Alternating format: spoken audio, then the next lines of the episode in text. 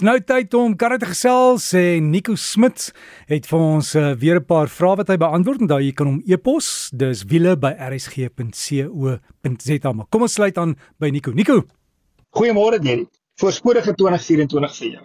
Vanmôre praat ons oor tegnologie wat die vervaardigers gebruik om hulle voertuie beter brandstofverbruik te gee vir die verbruiker, ek en jy, is dit natuurlik 'n verseker die moeite werd want aan die einde van die maand beteken dit ek het meer geld in my sak omdat ek minder betaal het vir die brandstof van my voertuig. Vir die vervaardiger self is daar 'n groot voordeel want as die voertuig beter of minder brandstof gebruik, beteken daar's minder uitlaatgasse en minder uitlaatgasse beteken hulle die belasting wat hulle betaal per voertuig is baie minder. So dis vir vir vir die verbruiker en vir die vervaardiger baie goed. So ons gaan 'n paar voorbeelde noem. Die eerste een is stopry tegnologie. En ek weet meeste mense um, hou nie regtig baie daarvan van stopry tegnologie nie. Ek uh, is een van daai persone. Dit is iets wat my nogal irriteer, moet ek sê, maar ek kan verstaan hoekom dit die moeite werd is of hoekom die tegnologie so goed is. As jy byvoorbeeld by verkeerslig staan en jou voertuig leier vir 30 sekondes teenoor by verkeerslig staan en die voertuig gebruik glad nie brandstof nie, dis 'n klein verskilletjie, maar as jy klaar klop, daai klomp klein verskilletjies bymekaar tel, begin dit al klaar verskil maak aan die brandstofverbruik van jou voertuig. Die volgende voordeel voorbeeld is uh cylinder deactivation of dan word ook verwys na cylinder on demand en wat jou engine doen is hy sluit helfte van die silinders af te wanneer jy byvoorbeeld teen 'n konstante spoed is. So kom ons sê jy voertuig beweeg teen 100 km/h en het 'n 4-silinder engine, dan sal hy twee van die silinders afsluit en net twee silinders gebruik want jy het nie baie krag nodig om daai konstante spoed of momentum te hou nie. As jy 'n 8-silinder engine het, dan sal hy byvoorbeeld 4 van die silinders afsluit en net 4 gebruik um, om om jou om jou spoed te hou met ander jy gebruik nie die brandstof van 4 silinders teenoor 8 silinders. Maar sodra jy natuurlik krag gee dan is al 8 of al 4 silinders dadelik weer daar. Dis ook die die oorskakeling so vinnig jy as bestuurder voel dit nie regtig is nie. 'n uh, Ander voorbeeld is ehm um, uh, turbo tegnologie. So wat 'n turbo doen is hy forceer lug in die engine in en en help die engine om beter asem te haal. So Nou wat die vervaardigers doen, hulle maak 'n kleiner engine met 'n turbo. Ehm um, kom ons sê 'n liter engine wat 3 silinders het. Daai engine voel soos 'n 1600 ehm um, of selfs 'n 800 sonder 'n turbo. Met ander woorde, die engine is kleiner. Ehm um, jy die kraglewering van 'n groter engine, maar wanneer jy dan teen 'n rustige spoed ry of of ehm um, net gewoon gewoonweg bestuur, is jou brandstofverbruik baie beter. Die volgende voorbeeld is direkte brandstofinspuiting. Wat die voertuig uh, vervaardigers doen is ehm um, hulle die die inspuiters is in die silinder self en spuit dan die petrol of diesel teen baie hoë druk in. Petrol engines natuurlik uh, dit hang af van die engine maar gewoonlik om en by 200 bar ehm um, diesel engines ehm um, om en by 2000 bar kan altyd bietjie hoër of laer wees maar wat dit dan doen is dit breek die brandstof in baie kleiner deeltjies op dit, dit begin soos 'n mis word en omdat die deeltjies baie klein is ehm um, dan on, is die ontbranding van die deeltjies baie beter en ons kan presies die regte hoeveelheid ehm um, brandstof in die engine inspuit en dit help met beter brandstofverbruik.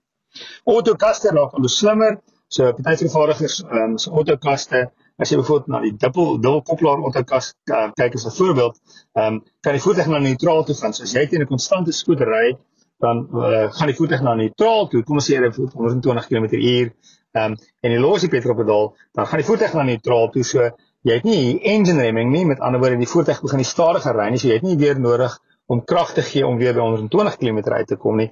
So dis 'n klein verskil, maar weer eens ons stel al hierdie verskille bymekaar en dit help op die ou end vir beter brandstofverbruik.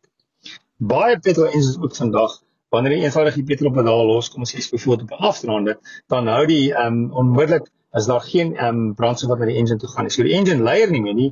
Ehm um, fisies gebruik die engine nie brandstof nie. Sodra jy dan weer petrol gee, dan begin die engine weer hardloop en dan raak hy gebruik meer energie.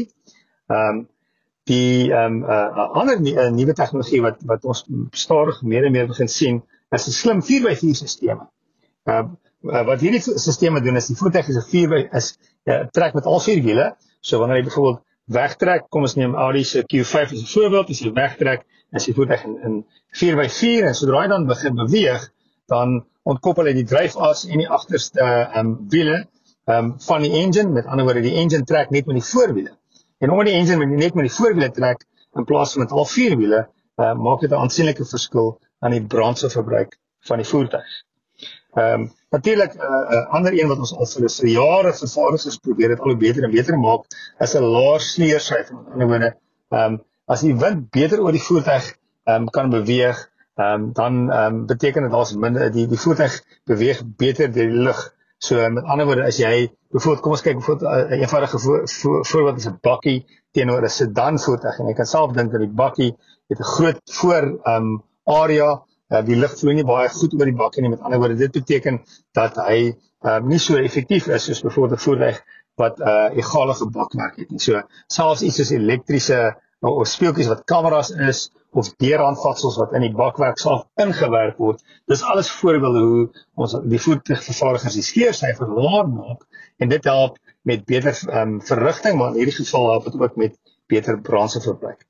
Die voertuigmassa is 'n uh, uh, ander voor, voorbeeld Nou omdat vervaardigers heeltyd nuwe tegnologie in hulle voete inbou, beteken dat die massa heeltyd meer en meer word. So baie vervaardigers werk ook op dan op slim maniere om die massa laer te hou.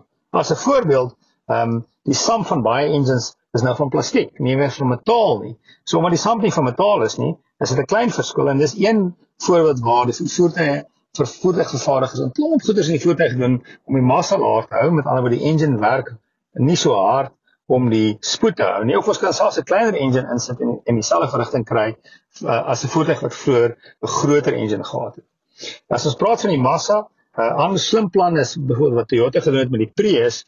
Ehm um, wanneer jy moet wegtrek, dan gebruik die engine baie brandstof om hierdie swaar massa aan die gang te kry. So as jy dan 'n elektriese motor het om jou aan die gang te kry, sodra jy dan beweeg, jou petrol engine verbruik, het dit 'n groot verskil op die brandstofverbruik van die voertuig. So dis hibriede voertuie, dis hoekom hulle byvoorbeeld so lig is op petrol, is om 'n elektriese engine die swaar werk doen um, en dit help met brandstofverbruik.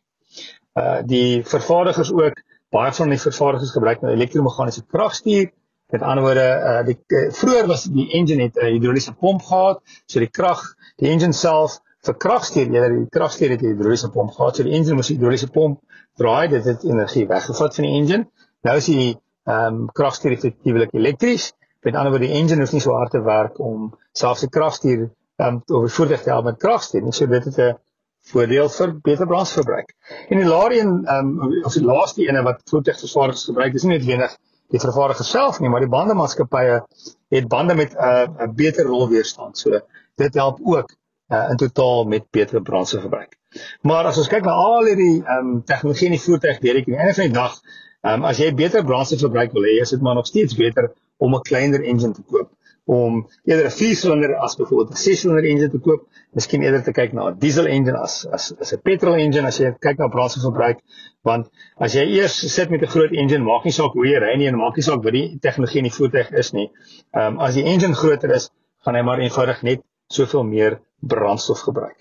Daar's ek weet ek dis al vir my hierdie week. Ek hoop jy het 'n lekker naweek verder.